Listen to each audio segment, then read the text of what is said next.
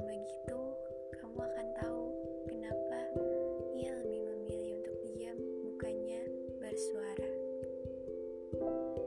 Biasanya orang yang pendiam itu memilih untuk bicara yang penting-penting aja. Ya karena coba